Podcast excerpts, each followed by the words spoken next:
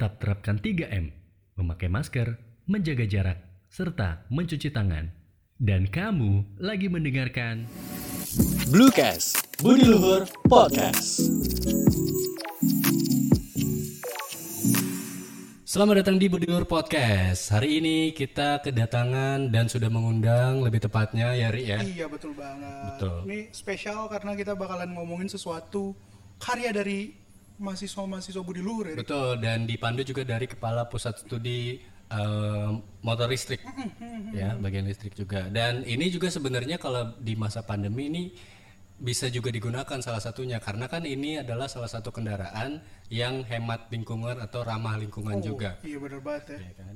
Dan hari ini kita sudah bersama Bapak Sujono Iya, selaku Kepala Studi Kendaraan Listrik Universitas Budi Luhur. Selamat sore Pak. Apa kabarnya Pak hari ini? Alhamdulillah habis kehujanan. Wow. Bener ya Pak? Tapi emang bener sih ya, tadi suasananya hujan terus jadi cerah lagi. Kadang cuaca nggak menentu Pak, kadang takut eh, tiba-tiba panas, tahu-tahu hujan juga.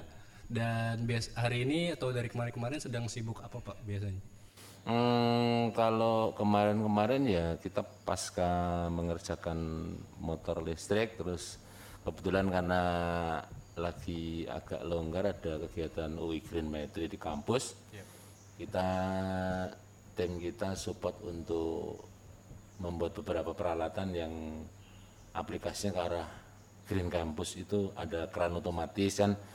COVID gimana caranya kita memper kecil atau sesedikit mungkin untuk kontak fisik gitu ya, ya keran-keran wudhu itu kita buat Menyesuaikan kontakless lagi, gitu, hmm, ah, lagi gitu ya. pandemi ini ya Pak ya. Iya, ya seperti itu salah satunya. Terus mengerjakan proyek untuk solar panel untuk eh, suplai sistem keran otomatis itu. Tapi Bapak sendiri ngikutin tren sekarang nggak Pak? Eh, memelihara tanaman misalkan atau naik sepeda satu minggu? Sepeda itu lebih ngawal anak ya, anak saya itu sebenarnya juga termasuk yang suka tapi karena baru kelas 2 SMP. Jadi nggak tega ngelepas sendiri paling saya ngawal apalagi kondisinya masih Covid.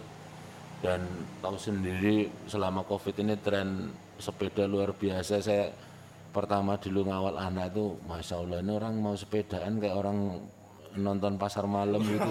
Padat banget jadi nggak- Rame banget sih. emang. lebih karena itu sih. Walaupun saya sebenarnya suka olahraga rutin Senin Kamis badminton di kampus itu sepeda itu lebih. Ya ngisi waktu eh, sama refreshing sama memperhatikan ngawal anak-anak aja sebenarnya itu Tapi hari ini kita akan ngobrolin seputar yang berbau listrik Pak. Jadi Budi Luhur itu sempat membuat dan juga sudah bekerja sama dengan ITS waktu itu sempat membuat yang namanya Neo Blitz ya Pak ya namanya. Sebelumnya mungkin mobil Blitz dan diubah jadi Neo Blitz. Nah tapi ada yang terbaru lagi nih dari Budi Luhur juga nih teman-teman Blutizen. Jadi Budi Luhur itu sudah membuat yang namanya motor listrik pertama. Ih, bener Ya banget. kan? Dinamakan adalah CEF 01. F01. Cargo Electric Vehicle. gitu BLC Oh, Oke. Oke, Sevoan. Oke. Ya, nah ini Pak sebenarnya prosesnya itu diawali dengan apa? Ka- Kan saya dengar beritanya katanya ini adalah tantangan atau challenge untuk Budi Luhur nih untuk membuat motor listrik pertama. Iya benar. Dan akhirnya terlaksana lah namanya si si- BLCF1. CF1 itu. Ya, apa sih latar belakangnya? Ya kalau kita bicara dari historinya begini. Jadi pertama kita kerjasama dengan ITS itu melahirkan Blitz, Budi Luhur ITS. Kemudian setelah kontak kerjasama dengan ITS itu selesai, kita kembangkan Blitz itu menjadi Neo Blitz. Neo Blitz itu kita kolaborasi dengan LIPI.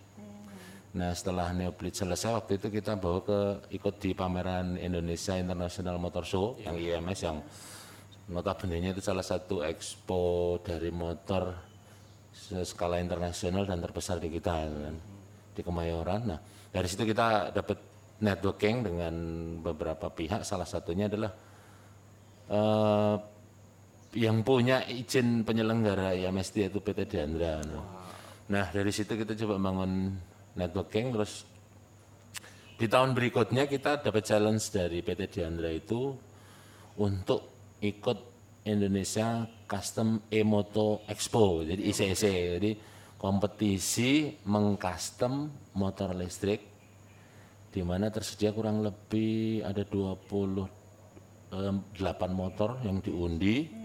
Jadi kebetulan dari kampus, yang pihak kampus hanya kita, yang lainnya lebih ke custom builder, custom builder itu, bengkel-bengkel custom yang udah, yang dari hari-hari memang ker- kerjaannya memang custom motor. Nah kita satu-satunya kampus waktu itu kita diminta ketua yayasan berani nggak ikut itu? Ya saya sih orang yang suka itu ya saya ambil peluang itu gitu. Terus kebetulan lewat undian kita dapat motor speknya itu yang Celis Emax nah itu pokoknya dari PT Diandra itu nggak memberikan batasan apa apa silahkan mau di custom semaksimal mungkin sesuka kita mau nggak ada ketentuan lah namanya kelas freestyle ya jadi bebas seperti itu. Nah jadilah kita ambil konsep jadi kita kembangkan ke arah kargo. Kargo. Heeh, makanya namanya BL CFO1 Budi Luhur Cargo Electric Vehicle generasi pertama itu namanya. makanya kalau kita lihat bentuknya ya agak aneh kok ini motor. Ya, tapi emang nanti jadi kita naik motor single seat ada tempat untuk naruh barang baik di di depan jok sama di belakang jok. Ada ruang ya, Pak di Ya, ada ruang, ada space, ada decknya yang untuk untuk naruh barang. Makanya memang konsep kita eh, kita per- peruntukkan atau desain itu kita dedikasikan untuk delivery barang. Oke Pak. Tapi kalau boleh tahu nih Pak, eh, siapa aja sih Pak yang ikut andil gitu dari mahasiswa-mahasiswa Budi Luhur? Ada siapa aja Pak? Kira-kira berapa orang sih yang kemarin bikin itu yang ikut berkontribusi gitu? Betul, betul, betul. Jadi dalam hal ini saya sih ngikuti aliran ide mereka, jadi saya hanya membantu mensupervisi atau mengarahkan saja sih. Mereka saya lepas, nggak nggak saya kekang mau bergerak seperti apa. Kurang lebih awalnya itu kan ini kita kerjakan eh, sebelum covid ya, sebelum covid. Terus awalnya itu ada enam orang, enam orang mahasiswa elektro angkatan 2017 dan 2018. Kemudian kan di pertengahan pengerjaan itu kan COVID mulai berkembang tuh. Terus dua orang karena alasan keamanan dari keluarganya tidak mengizinkan dulu untuk melanjut akhirnya ya lanjut empat orang sampai akhir itu. Jadi kurang lebih efektif ya lima orang termasuk saya seperti itu. Ya mereka mulai mengerjakan mulai dari desain konsepnya kita diskusi di situ kita matangkan baru kita kerjakan seperti itu tahapannya Berarti ada tantangan sendiri ya Pak bersaing dengan para builder-builder Iya, yang sudah terlatih, yang udah biasa terus ya, yang udah biasa dan faktanya pembuatan motor listrik ini dilakukan di dalam kampus sendiri Pak. Ya, jadi jadi pokoknya kita eh, berkreasi semaksimal mungkin dengan sumber daya yang ada di kampus ya. Memang kita kondisi COVID kemarin juga nggak nggak bebas ke mana-mana kan.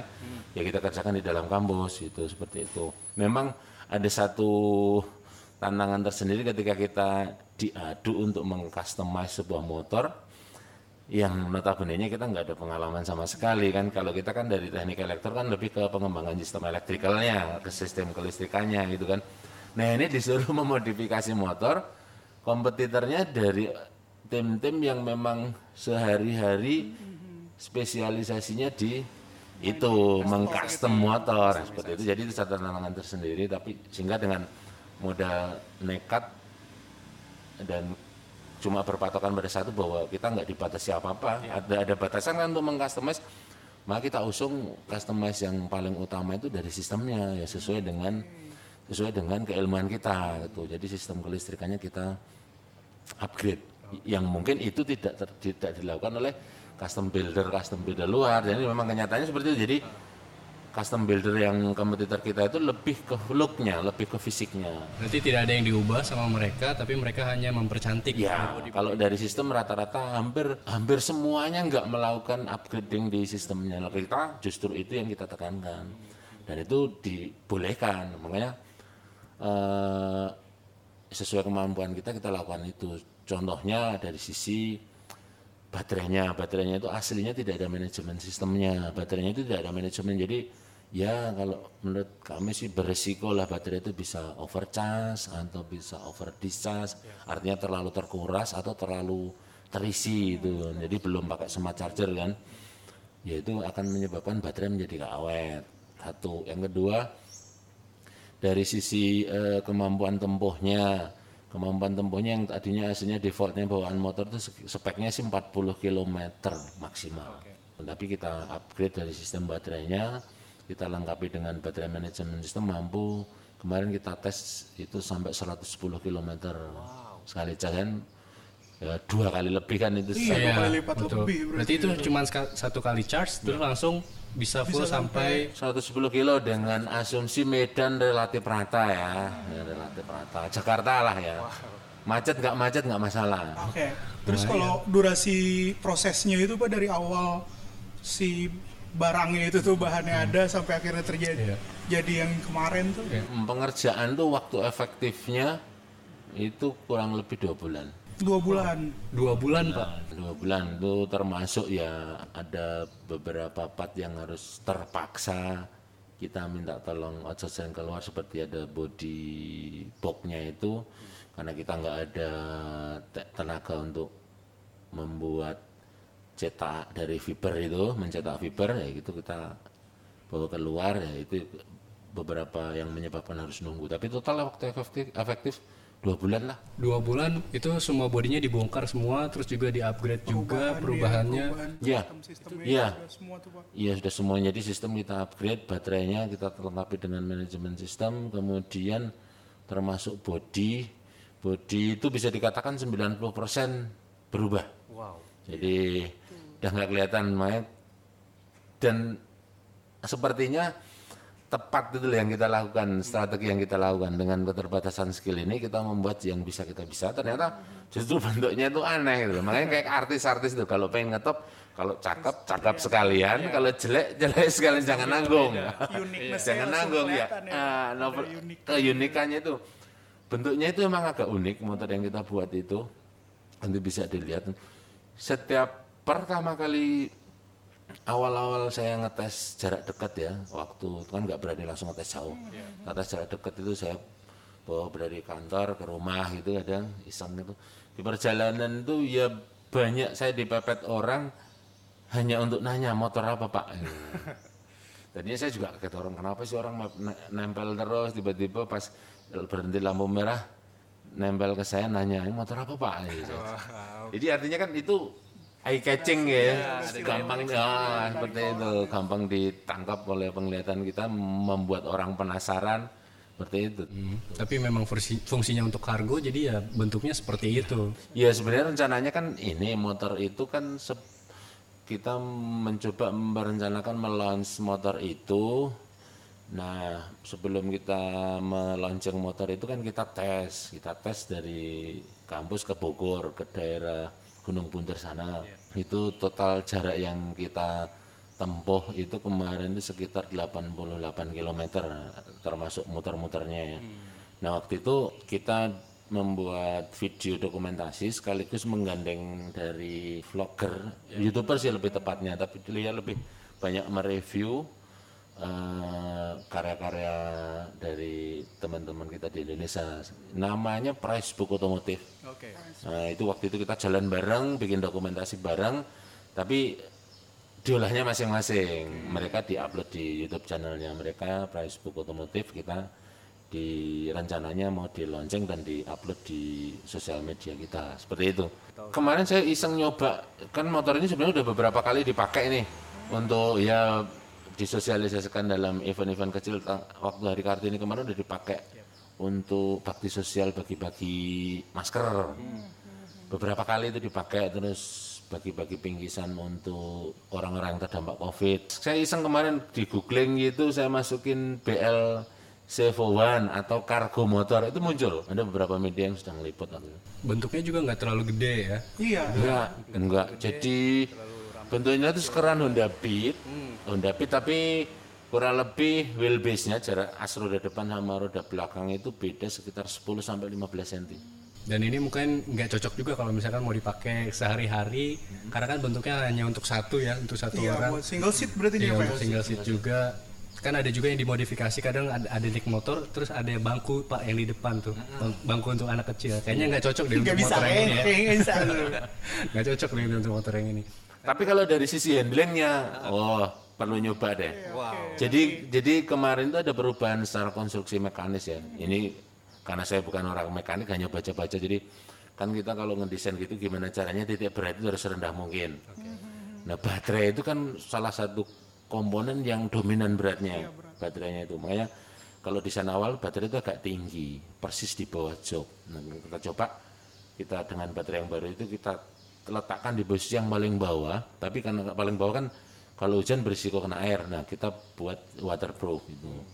Sehingga secara titik berat itu menjadi sangat di bawah dan itu manfaatnya adalah handlingnya enak sekali untuk bermanuver melihat-lihat mungkin apa cornering ya oh cornering enak sekali karena memang titik beratnya di bawah Berarti rampingnya mirip dengan Beat, terus juga handlingnya ya lebih nyaman ya. lebih nyaman karena titik beratnya di bawah Wah, Oke, patut dicoba nih nanti. patut dicoba sih ya.